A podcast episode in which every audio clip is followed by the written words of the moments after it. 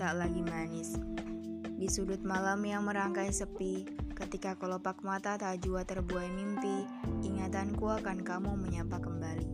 Di tengah pikiran yang ke sana kemari, sialnya hatiku masih menatamu dengan rapi. Sudah lama kita tak pernah saling menyapa lagi.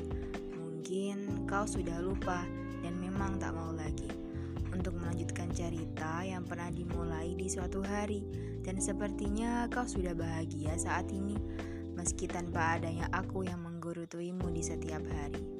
Mungkin kau dulu memang bosan dengan aku yang seolah mencampuri urusan.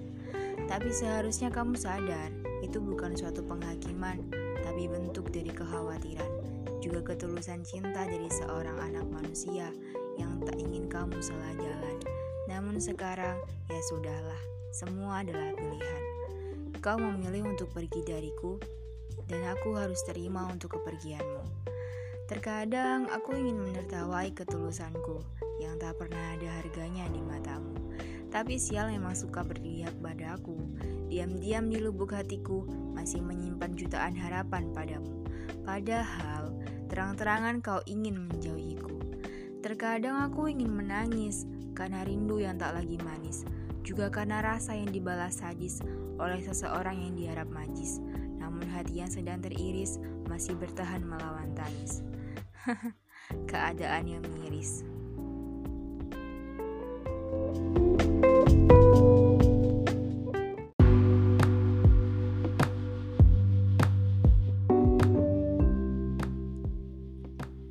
Ada seseorang yang sangat senang menganiaya dirinya sendiri dengan terus mengenang dan, dan bertanya-tanya kenapa dirinya bisa terbuang. Hatinya begitu tertambat kepada seseorang yang tak pandai dalam merawat, sampai-sampai dirinya sendiri begitu rela dibuat sekarat. Jika tidak sekarang, mungkin nanti kau akan paham bahwa kau hanya harus sembuh untuk dirimu sendiri. Kau hanya harus sadar bahwa di luar sana sudah ada seseorang yang sangat siap untuk membuatmu mengerti apa itu arti dari menjaga.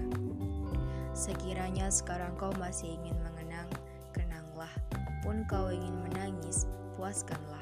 Dan setelahnya, berjanji atas dirimu sendiri bahwa itu adalah air mata terakhir untuk seseorang yang sudah sepatutnya ditiadakan dalam hidupmu.